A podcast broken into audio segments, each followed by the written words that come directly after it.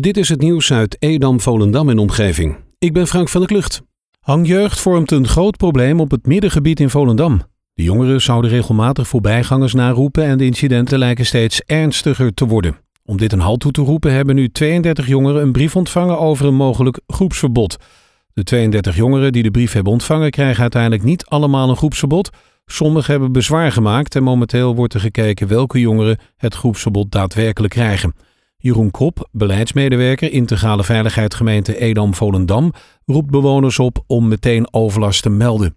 Een geldbedrag van de 1500 euro winnen in deze tijd is voor veel bedrijven geen overbodige luxe, maar dierenarts Purmerend besloot geheel belangeloos dit bedrag te verhogen en te doneren aan twee goede doelen. De prijs was al in januari uitgereikt, maar volgens dierenarts Tessa van Ekeren was het even op de plank blijven liggen omdat ze recent zijn verhuisd. De eer van het winnen was voor hen genoeg en daarom besluiten ze het geld te doneren aan de stichting Dierenambulance Purmerend en Wildopvang de Bonte Piet. De gemeente Edam-Volendam heeft belasting voor het houden van één of meerdere honden. Als je een hond aanschaft en verzorgt, moet je hiervan aangifte doen. Ieder jaar komen controleurs langs de deur om erop toe te zien dat hondenbezitters hun hond hebben aangemeld. Ook dit jaar komen zij weer langs. In de week van 9 november starten zij met de controle op hondenbezit. En dat doen ze in de avond, want dan zijn de meeste mensen thuis. Als er niemand thuis is, komen ze later nog een keer langs.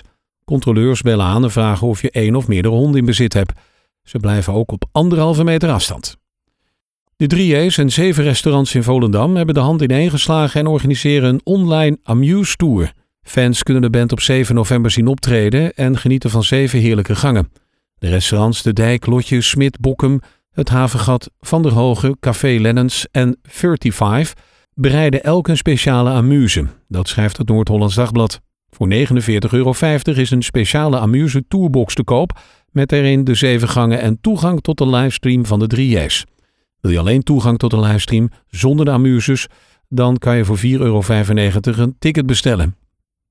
De reguliere zorg van het Zaans Medisch Centrum wordt gedeeltelijk afgeslaagd als gevolg van het coronavirus.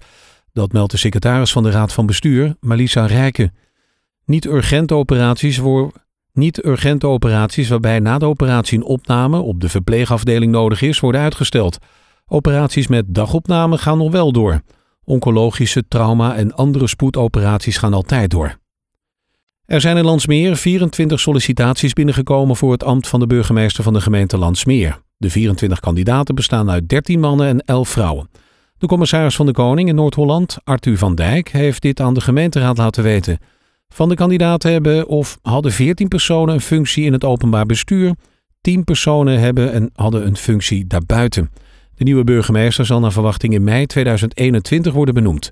De waarnemend burgemeester Dennis Straat draagt sinds 12 augustus 2019 het ambtsketen. De Milieustraat in Purmerend moest gisteren om twee uur sluiten vanwege olielekkage op het wegdek. De lekkage was veroorzaakt door een van de veegmachines. Om dit goed te kunnen reinigen moesten de Milieustraat sluiten voor alle bezoekers. De Milieustraat is vandaag om half acht weer open. De IJsselmeerlaan in Purmerend is in beide richtingen tot en met 30 oktober afgesloten wegens werkzaamheden. Het gaat om het stuk weg tussen de Verzetslaan en Purmer Noord, vlak voor het politiebureau.